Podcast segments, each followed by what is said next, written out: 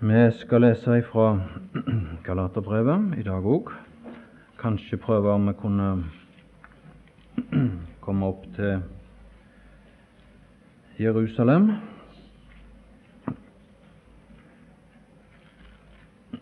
Kapittel 1. Og for sammenhengens skyld så leser jeg fra det 15. verset og nedover til og med det 20.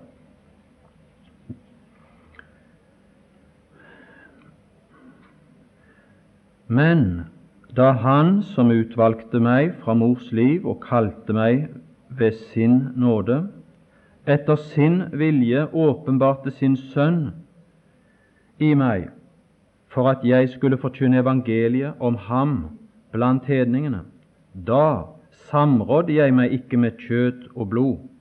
Heller ikke drog jeg opp til Jerusalem til dem som var apostler før meg, men jeg drog straks bort til Arabia og vendte tilbake til Damaskus. Siden, tre år etter, dro jeg opp til Jerusalem for å bli kjent med Kefas, og jeg ble 15 dager hos ham. Men noen annen av apostlene så jeg ikke uten Jakob, Herrens bror. Det jeg her skriver til dere, se, det vet Gud, at jeg ikke lyver. Jeg vil bare knytte et par ord til de innledningsvers som ble lest, for på en måte så går de nokså parallelt med det som her føres fram. Du vil se siste vers i kapittel 1, det kommer vel knapt det i dag. Der står hva det hele resulterte i, og de priste Gud, egentlig i meg. Og det var det Magne leste der fra første Timoteus brev, der samme type vanskelighet, med en del andre ting òg, var kommet inn. Og Jeg skal bare der understreke den underlige, men selvfølgelige fra i sida sett naturlige kontrast som finnes. Se ned i første kapittel, altså i Timoteus 1, vers 6. Fra dette, som er kristendommens store sannhet, fra dette har noen faret vill og vendt seg bort til tomt snakk. Det kaller apostlene. Hva slags type snakk er det? I det de vil være lovlærere. Og så skyter han inn et forhold, enda de verken skjønner det som de sier, altså sin egen tale, eller de ting som de så selvsikkert taler om. Det er den siste sats jeg bare understreker nå.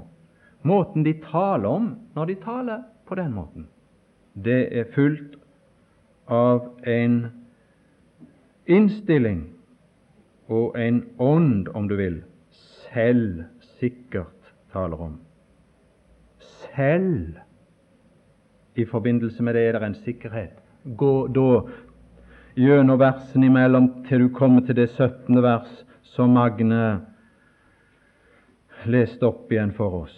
Der er selv sikkerhet forsvunnet. Men det er sikkerhet. Men det er sikkerhet som er fundert i et annet fundament, og ikke i selv. Men selv er utelukka. Men det er sikkerhet. Og det ender sånn som Galaterbrevet 1 ender, at denne Gud være ære og pris i all evighet. Og det liksom føyer apostelen sitt innvortes menneske til å si Amen. Slik er det. Den nåde er det som eh, produserer denne ensretta tilbedelse og ære og pris. Til deg, sang vi her i etter versene, på tronen, istemmer vi vår pris. Ja, det var altså dette brev vi holdt oss i, der disse problemer var oppe.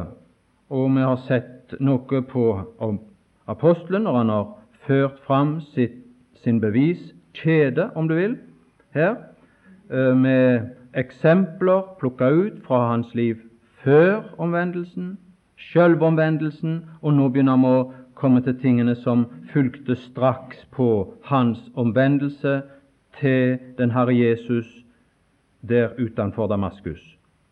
Og det er alt her plukka ut og stilt sammen med dette for øye å bevise hans uavhengige tjeneste, direkte mottatt budskap fra Kristus, som han har sagt i versene innledende til dette avsnitt. Jeg eh, vil ta med en tanke fra apostelgjerningene innledningsvis, bare for igjen For på en måte Vel, en ville vel gjerne ikke lest disse vers til et oppbyggelsesmøte. En vet det står her, og vel, det er noen historiske ting, da, men jeg tror ikke vår innstilling bør være sånn i forhold til, selv om det på liksom overflaten kan synes som om vel, her er det ikke så mye gode ord, liksom. Og du, de er like gode, disse. De er ikke uverdige en plass i denne bok. Og det sømmer seg iallfall for oss å lese de og grunne på de. Og så kan kanskje Herren gi oss litt glede og velsignelse gjennom, gjennom å se de der de står. Det var et vers i apostelgjerningene 17 jeg tenkte på når det gjelder dette med bevis, for det er det det er snakk om her. Og det er lenker i en beviskjede vi møter i Galaterbrevet 1 her i dette avsnitt. Der står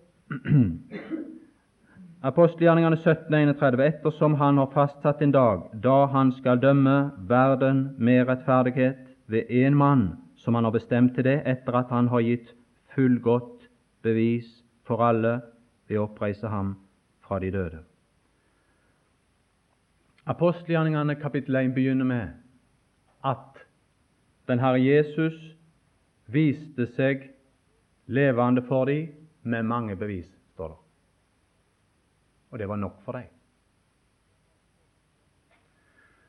Men her har han for seg en litt mer krevende forsamling. Han er i Aten. Det er en lærd forsamling. Det er kulturens liksom høydepunkt i den da kjente verden. Aten med sine filosofiske retninger som er omtalt, som har det kresne krav på bevisføring for å godta en ting, for å gå inn for et eller annet.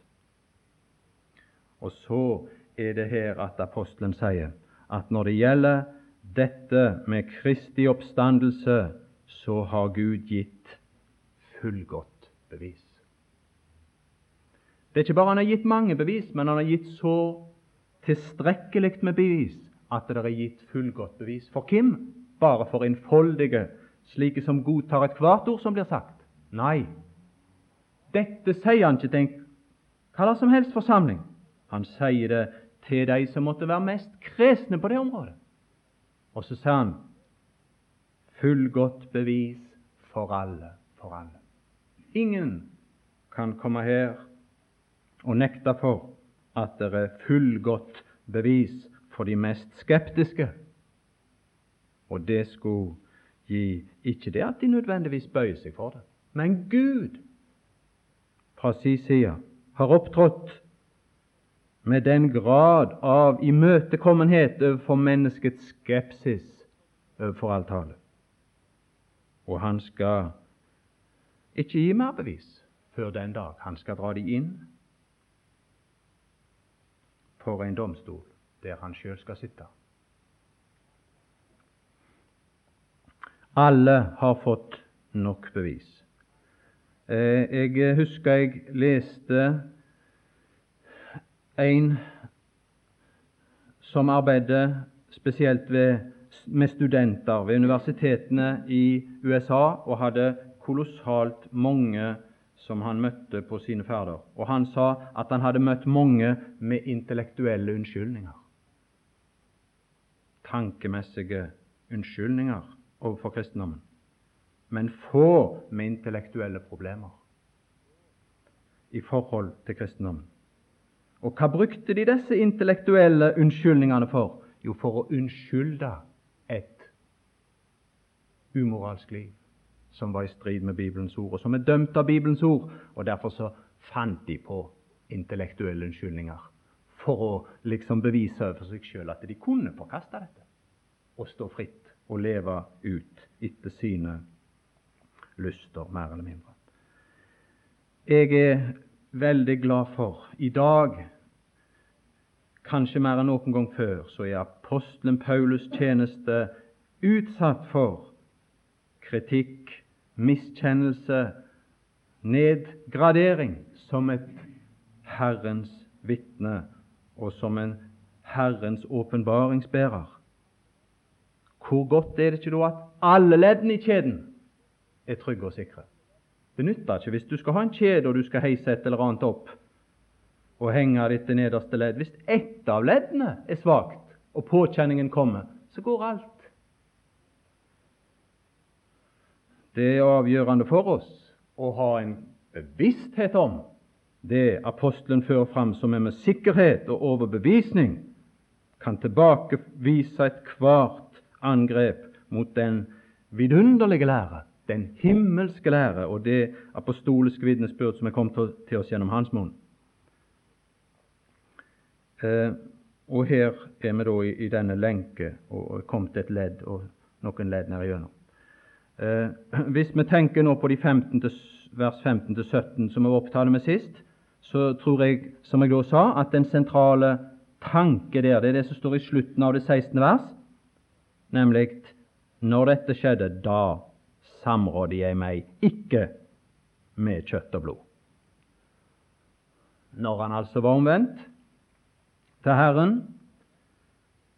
Men før dette utsagn som forteller oss om hvordan han oppførte seg etter at han var omvendt til Herren, uh, så fører han ting inn der i det 15. og 16. vers. Og det er ting som, som gikk forut for hans omvendelse, som han alt, i ett og i alt, tilskriver Herren. Og så òg denne hensikt med denne åpenbarelse for at jeg skulle forkynne evangeliet om ham. Det slås fast, og vi var sist opptatt litt av dette, at det var utenfor eh, Jerusalem at Paulus ble omvendt. Hadde han blitt omvendt i Jerusalem, så hadde de sikkert raskt sagt disse lovlærere, disse som ville degradere Paulus' tjeneste ute iblant hedningeverden, iblant de hedenske menigheter, så ville de sikkert ha sagt å, han, han lærte det av apostlene, men han har nå endra litt på det.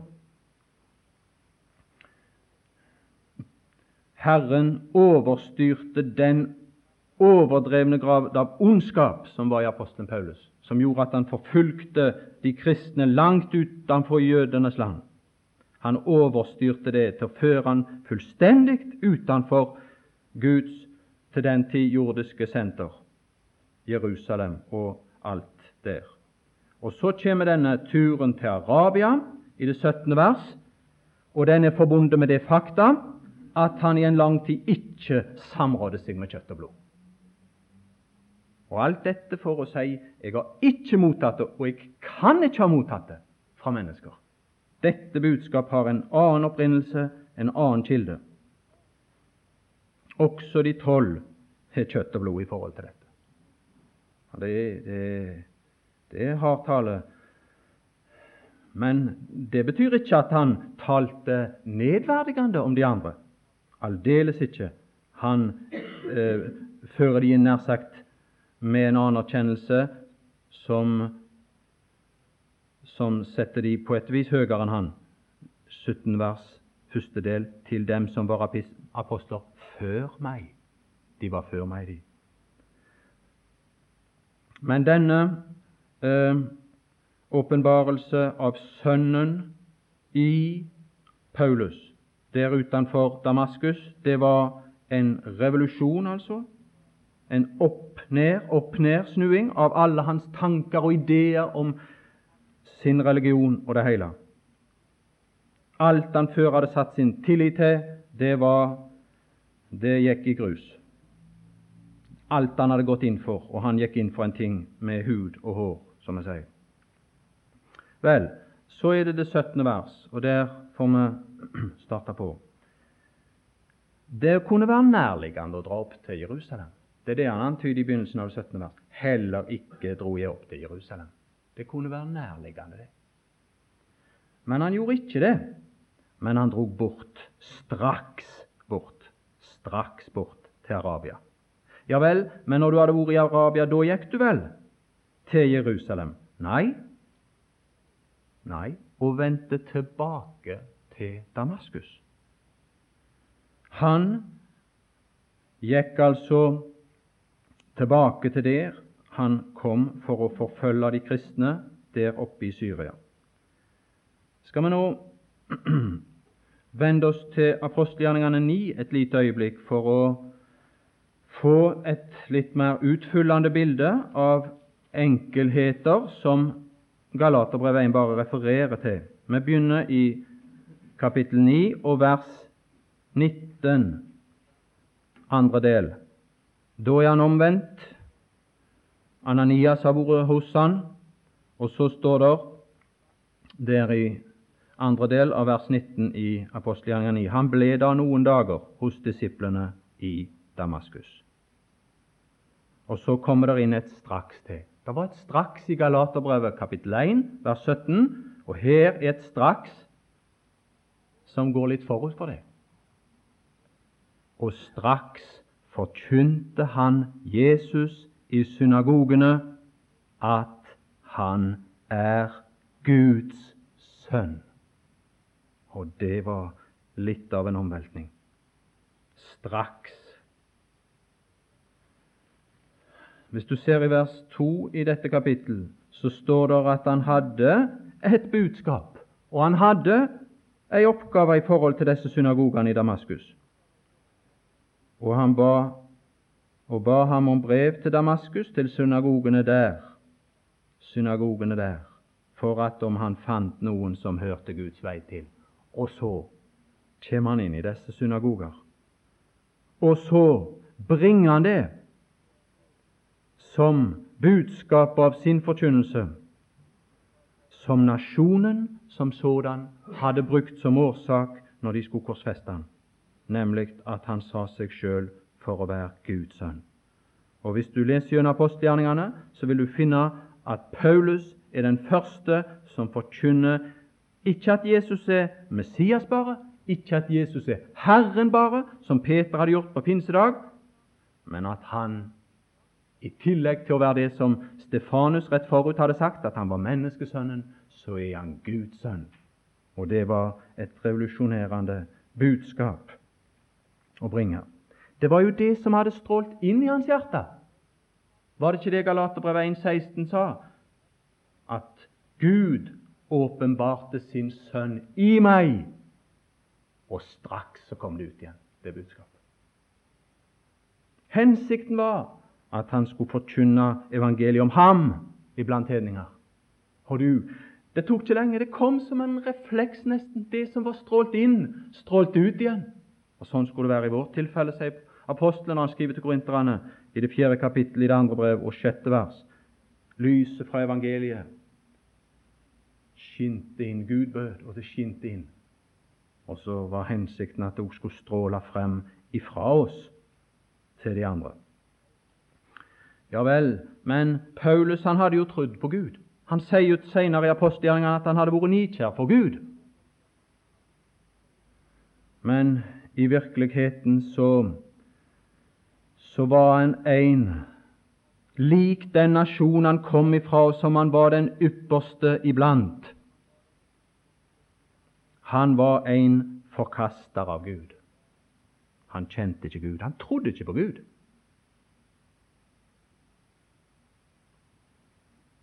Det er mange i dag som sier de tror på Gud, kristendommens Gud, men de forkaster Sønnen.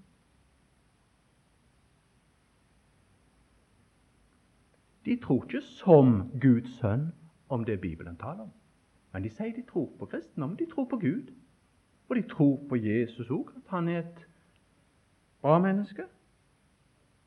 Men han er ingen autoritet som gjør at det han har sagt om Bibelen, og alle ting som står i Bibelen, det må du tro på som en følge av at du tror på Han. Nei, det er ikke en sånn en de har.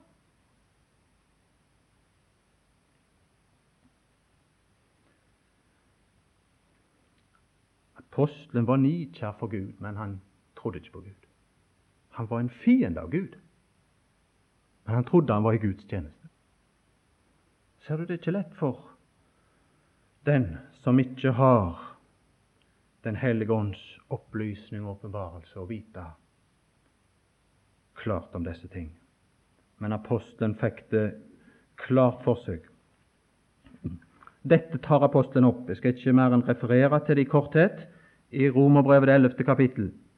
For dette er ikke et, en bisak, dette er selve saken. Og det er her det støtter an. Og det er her sønnen på troen på Guds sønn, som fullt ut sønn fra evighet av, uendelig, himmelropende synd, pur, guddommelig nåde liksom forener seg i ett og samme spørsmål.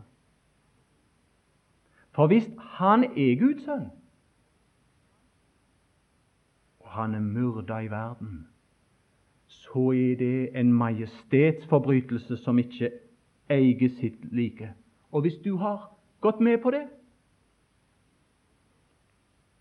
så har du synd over alle synd som kan utføres. Da tales det om forskjellig slags mord i Bibelen. Da tales det om mord. Men så er det en grad som gjengis med liksom litt mørkere farge, og det er fadermordere og modermordere. Men du tenk å myrde Gud når Gud viser seg, når du får en anledning. Og det var det de gjorde. Romerbrevet 11, der fra det 30. verset ut kapitlet, der på en måte oppsummerer apostelen Guds handling overfor hedninger i denne tid, overfor jødene.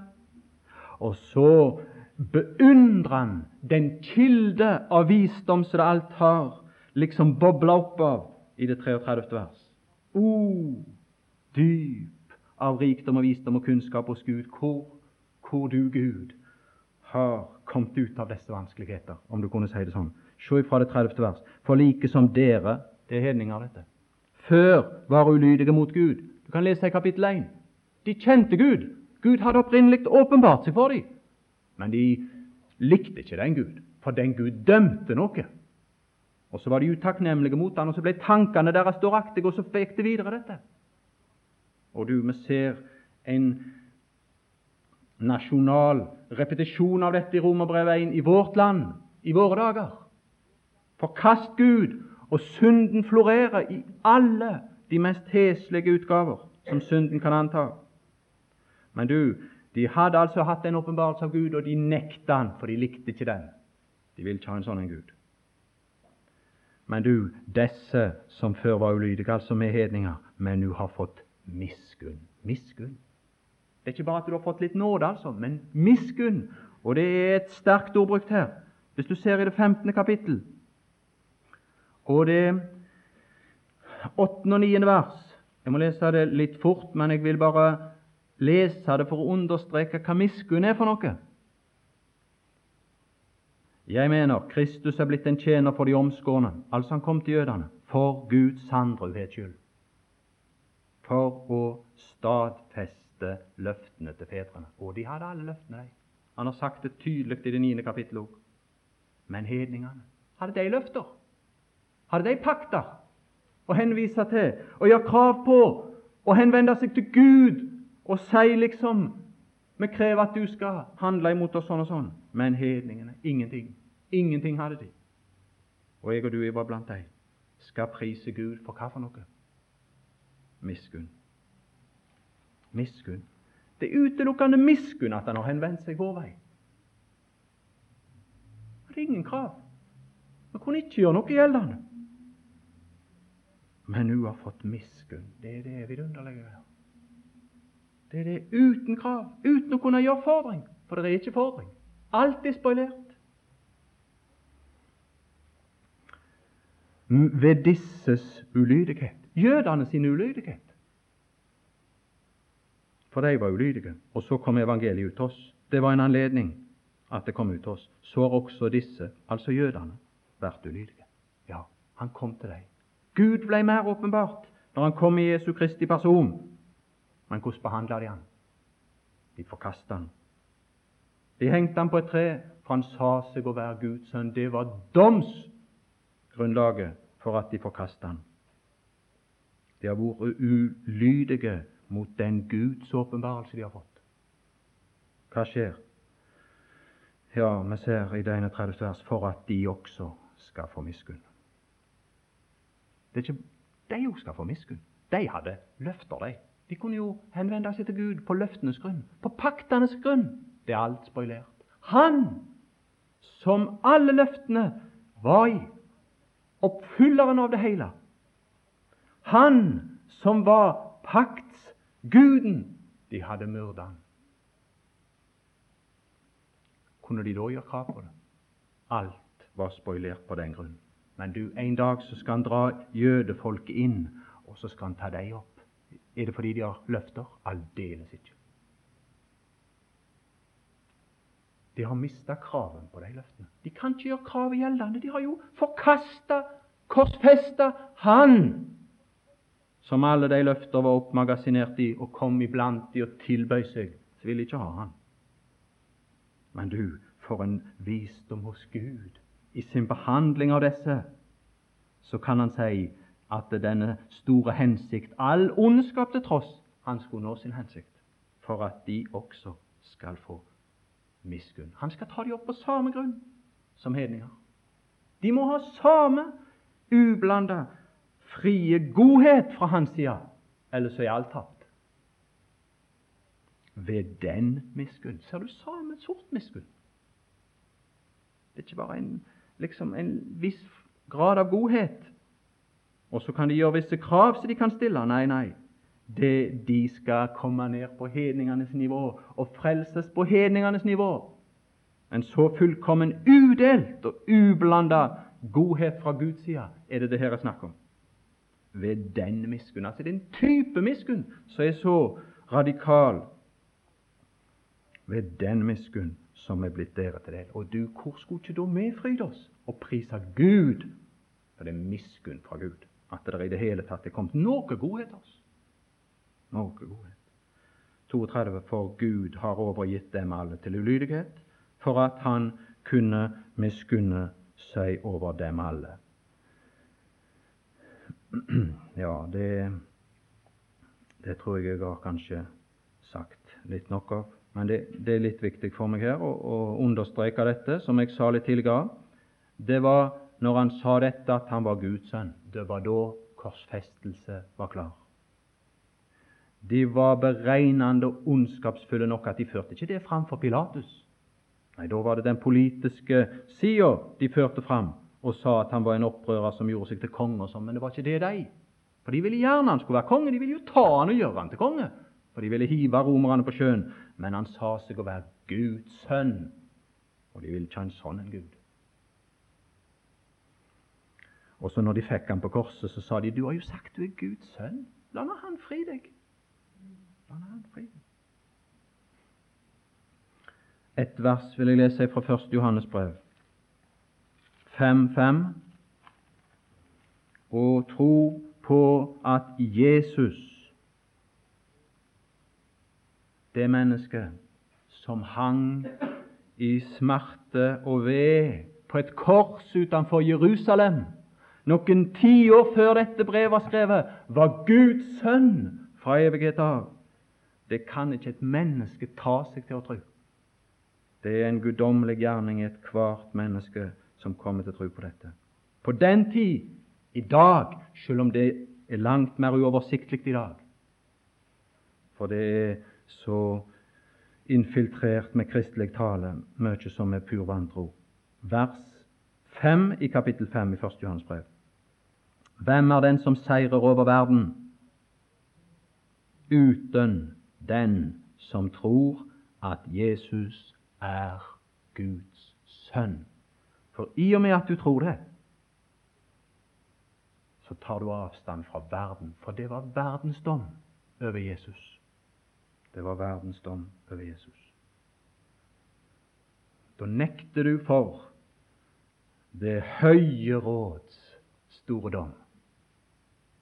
Da er du utskilt ifra det og fri det. Jeg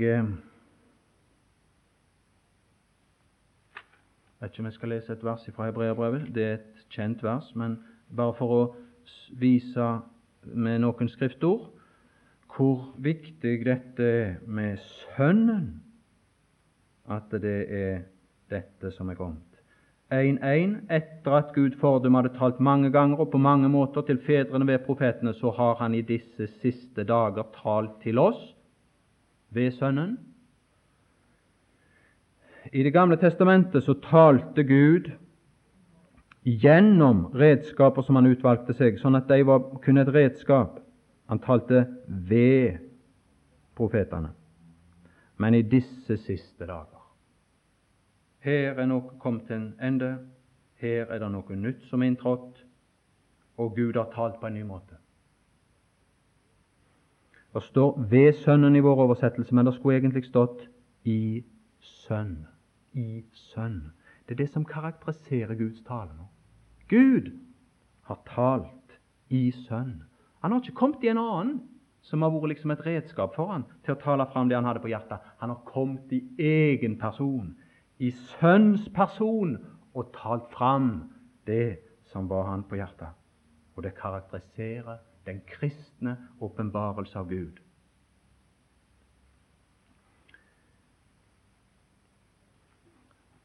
Tilbake til apostelgjerningene 9.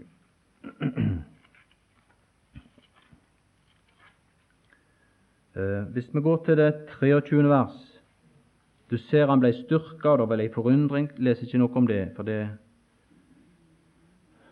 har vi ikke tid til. Men 23. vers, da nu mange dager var gått.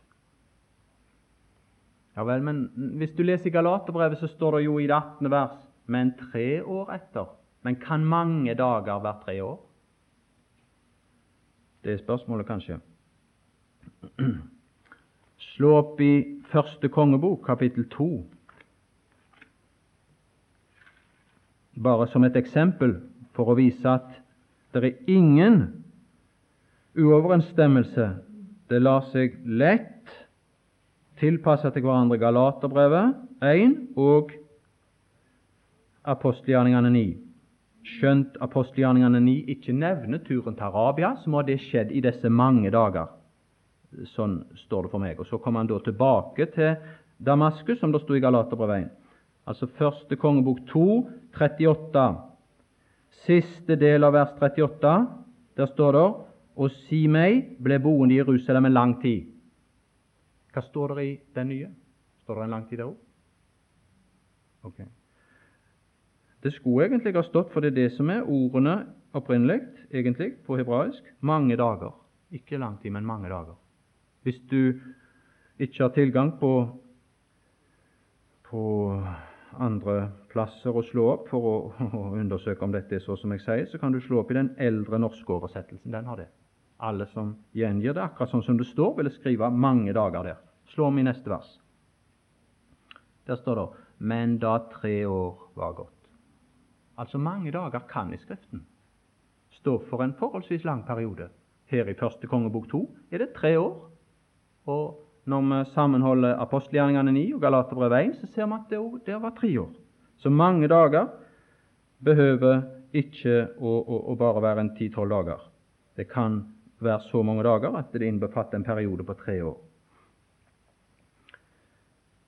Bare la oss ta et samlende uttrykk for det Paulus gjorde i Damaskus, se i det 27. vers der i apostelgjerningene 9. Hva gjorde han? Barnabas fikk tak i det.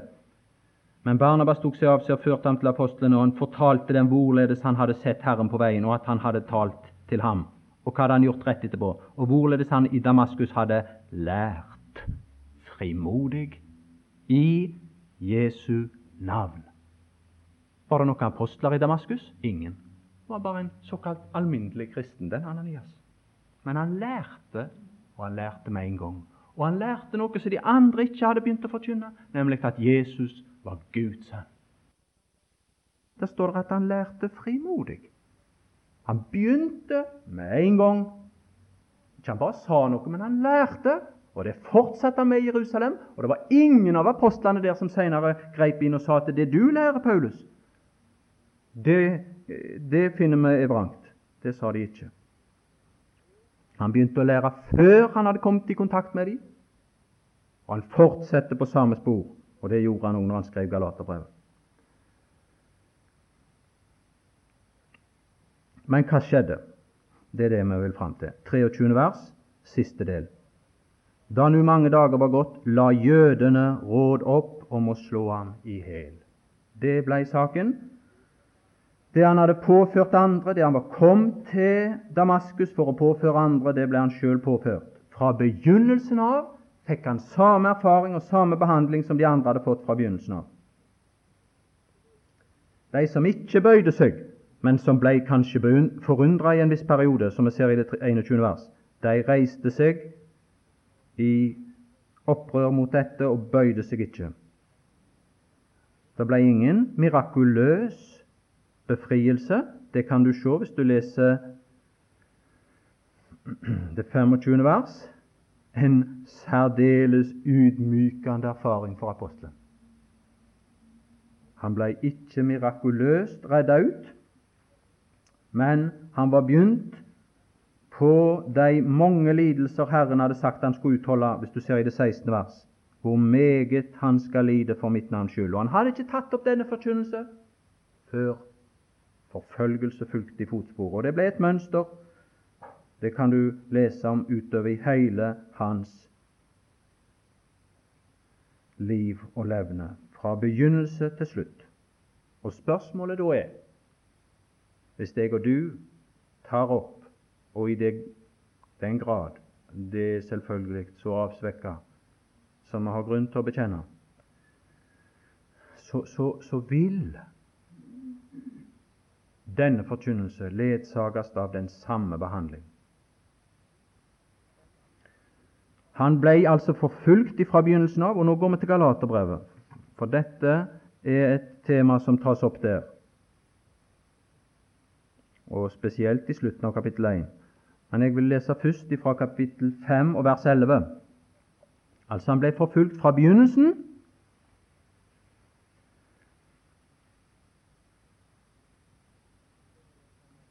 Og så står det i 5.11.: Men jeg, brødre, hvis jeg ennu forkynner om omskjærelse, hvorfor forfølges jeg da ennu?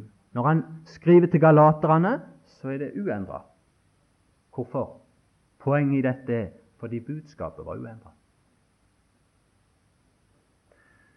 Hvis jeg ennu forkynner omskjærelse, hvorfor forfølges jeg da ennu? Endra på det, så slipper du den ubehagelige forfølgelse. Shogi 429, Galaterbrevet. Men like som den gang han som var født etter kjødet, forfulgte ham som var født etter ånden, således òg nå, når apostelen skrev brevet, og nå i dag, hvis jeg og du fører fram noenlunde det samme budskap som apostelen førte fram.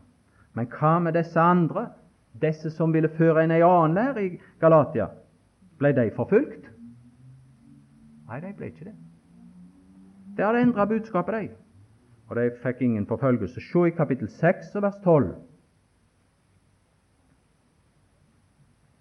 Det var ikke bare at de endra budskapet, men det var noe av begrunnelsen for å endre budskapet.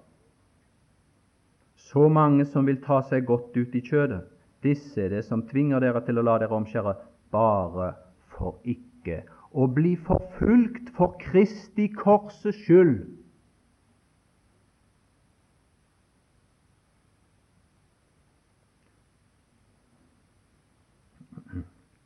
Hvis du forkynner Kristi kors, så forkynner du at mennesket som sådan er fordømt. Du gir ingen plass og åpning og mulighet for mennesket etter kjødet. For korset har stempla mennesket til kjødet. Men hvis deg og du gir kjødet en anledning, anerkjenner kjødet, så forkaster vi korset.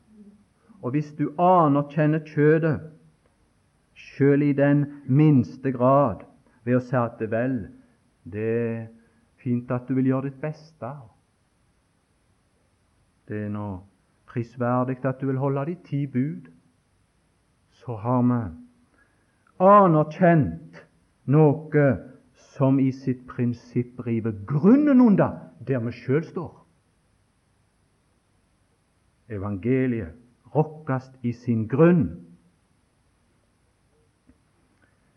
Det er de religiøse som vil forfølge oss med et slikt budskap. De som er jøder. Du kan lese om det utover i åpenbaringen òg, i disse forskjellige menighetene. De ble ikke kvitt dette. De som sier de er jøder. Hvorfor vil de absolutt være jøder? Oh, dette judaistiske element drar de med og drar med, og du finner de Sardes men, eh, i Smyrna og i Philadelphia, menigheten. Og kanskje så tar de ikke livet av oss. Den forfølgelse som det står om i Galaterbrev kapittel 4, 29, når det står at det, det var forfølgelse der mellom Isak og Ismael, så står det i Det gamle testamentet, 1. Mosebok 21, 9, at han spottet. Han slo ikke til ham nødvendigvis, men han spottet. Du har hørt denne sats av og til, og du har sikkert kjent litt av spotten som ligger når det sies 'en gang frelst, alltid frelst'. Ja, ja. Hva er det for noe? Er ikke det av noe av den art? Beviset for at hans budskap ikke var etter mennesker, som han sier der i Galaterbrevet kapittel 1 og vers 11, det var dette at de forfulgte det. De kunne ikke forstå dette. Det var ikke etter mennesker. De kunne ikke med det. De måtte utrydde det. Vi skal se på ett eksempel til, og så skal jeg slutte av. Det var hvordan han kom seg ut av Damaskus. Vi kommer visst ikke til Jerusalem i dag, men vi får komme oss ut av Damaskus. Slå, slå tilbake der, apostelgjerningene 9.25, for dette er jo vektlagt i Galaterbrevet 1. Ut av Damaskus. Hvordan kom han seg ut av Damaskus? Han kom til Damaskus, det ser vi i begynnelsen av kapitlet, med hele det jødiske maktapparats støtte i ryggen. Hele makthierarkiet sto bak han. Brev fra ypperste prestene. En arrogant inngang var det spørsmål om. Det levittiske politi hadde sendt ut en viss styrke som skulle ledsage han. Så blir han slått ned, og så møter han Herren.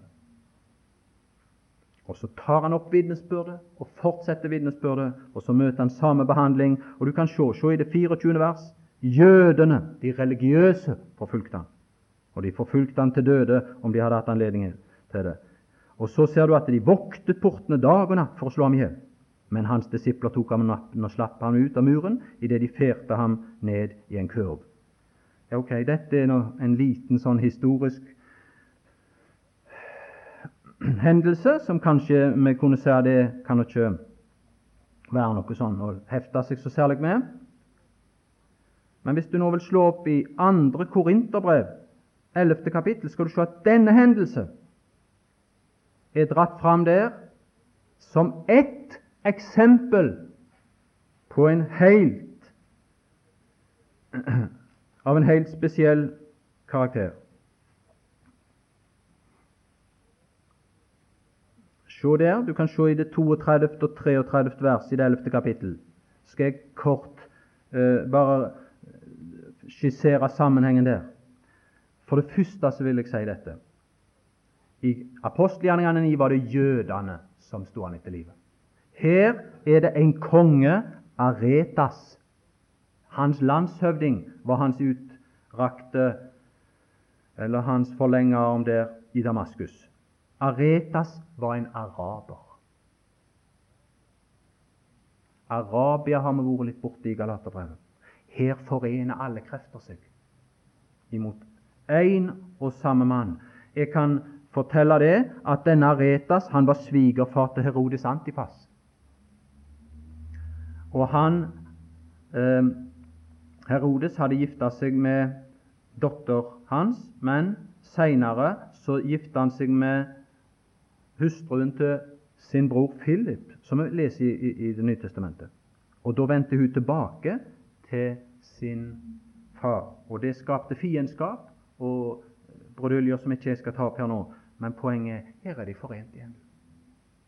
Alle krefter kan stille seg opp i sammen imot for å forfølge, for å utrydde denne forkynnelse, dette budskap. Og så taler han da i dette ellevte kapittel sterkt og på en helt uvanlig måte, Paulus, til disse litt makelighetselskende korinterne som hadde tatt imot noen som prøvde å komme inn, som var av akkurat samme type som de som kom til Galatia. Falske brødre, kaller han de. Og så, Disse var tydeligvis sånne som roste seg av og ville ha makt og gikk inn for verslige prinsipper fullt ut. Og korinterne var så verslige at de satte pris på det. De forsto sånt, ville gjerne ha de sånt.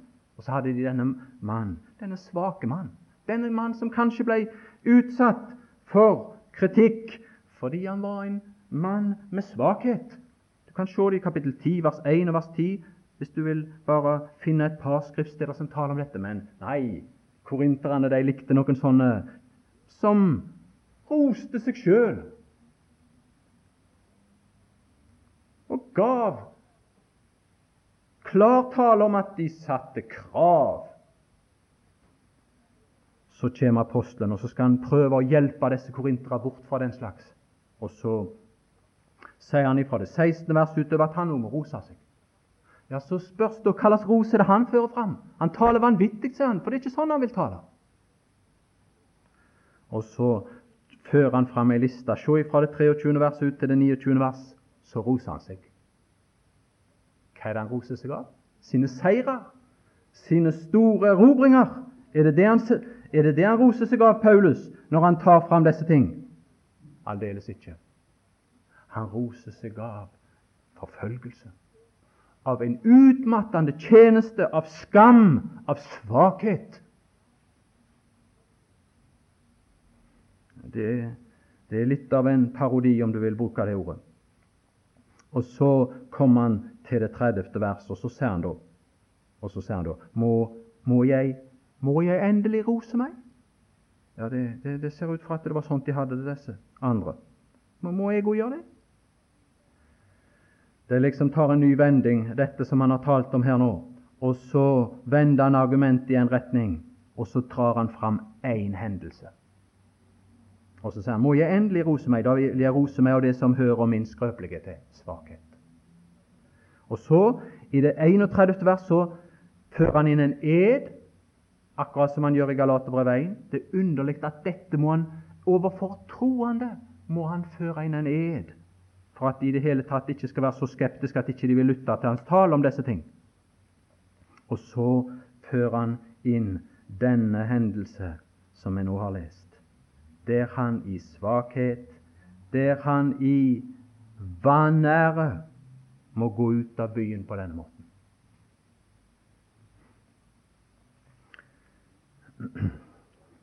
Slik er det tydeligvis at denne forkynnelse må bli behandla. En underlig ting, et underlig eksempel. Å rosa seg av det som er vanærende. Men du, så stiller han dette opp imot og det synes jeg er underlig, så stiller han det opp imot det som står i det tolvte kapittel. Du, ut av byen, i, gjennom en glugg firt ned i ei korg, du, den samme mann som er tatt inn i paradis. Ser du at her er opphøyelse på den ene sida, men knytta til fornedrelse og forfølgelse og vanære i det ytre mens vi går gjennom denne verden. Og sånt vil det kristne budskap gå fram. Men du, kraften i å ha vært der oppe, istandsatte han til å gå gjennom verden til tross for at han møtte denne behandling. Hvor mye tåler jeg av spott uten at jeg nær sagt reagerer på kjødelig vis? Spott når en fører fram den miskunn som er blitt dere til del. Og hvis, hvis jeg og du, om ikke vi i legeme kan gå til paradis, går inn der og blir der og hører de usigelige ord, så kan vi òg tåle kanskje de hårde ord, de spottende ord, ifra de som ikke har smakt dette usigelige, som den nåde tildeler ethvert menneske. Det er viktig å merke seg. Han sier der i kapittel 12 vers 2 jeg kjenner et menneske i Kristus. Ikke en apostel. Det er ikke særrettighetene som en apostel han fører fram. Du, det er lik rettighet og velsignelse for ethvert menneske i Kristus, dette som han her fører fram. Og Så kommer han til prinsippet i det tolvte kapittel og niende vers. Ja, godt vi begynte litt tidlig i dag, Magna. Så skal jeg slutte bare jeg har fått lest gjennom det. 12, vers 9 og 10. Vi ser at apostelen òg hadde vanskeligheter med dette. Han ville bli kvitt sine trange kår. Og de vanskeligheter som møtte han. Og så sies det i det niende verset, og han sa til meg, han sa til meg, min nåde er deg nok. Det er ikke syndenes forlatelse han snakker om. Det er ikke nåde i den forstand, men det er nåde i kraft til å bæres gjennom de største svakheter. For, sier han som forklaring, min kraft fullendes i skrøpelighet. Det er et tema gjennom hele andre korinterbrev. Korinterne de elsker ytre prakt og litt makt og sånn eleganse som verden liker. Og Så sier han i det fjerde kapittelet at nei, nei, når det gjelder denne forkynnelse, så er det ikke sånn som i den gamle pakt, at det ytre var glimrende, og kanskje i egentlig forstand så var det indre ikke særlig på høyde. Nei, det står ikke på høyde nå. Denne skatt, denne skatt. Jeg må vel ha ei fine krukke, da? Nei, denne skatt det er i et dårlig, svakt kar. Altså, mens det her. Karet står ikke på høyde med den skatten. Men, men Gud har en hensikt med det òg, for at Hans kraft skal fullendes i skrøpelighet. Han kunne jo sendt engler. Han kunne jo sendt sånne som særpreges av makt.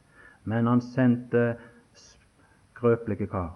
Derfor, når han hadde forstått det, vil jeg helst rose meg av min skrøpelighet. Hvorfor da? For at Kristi kraft kan bo i meg. Derfor er jeg vel til mote i skrøpelighet. Mishandling så regner han opp disse der forfølgelser, alt dette som han måtte gjennom. Hvorfor er ikke jeg vel til mote når lite grann? Jeg har jo så lite hatt befatning med dette. Hvorfor er det? Jeg tror at hvis vi gikk inn der som Paulus gikk inn, så hadde vi blitt utrusta til, og så hadde vi bøyd oss for, og så hadde vi rost oss av det som verden ingen forstand har. Svakhet er en ting, men bevisst svakhet er styrke. Det er det som er sannheten her, tror jeg. For hva gjør du hvis du er deg bevisst at du er svak? Da klynger du deg til en annen. Og vi klynger oss i vår svakhet til Han, så skulle ikke Han svikte oss min nåde, som den ypperste presten er der, så vil Han gi oss sin nåde på denne måten at Hans kraft òg gjennom vårt liv og legeme her kunne fullendes.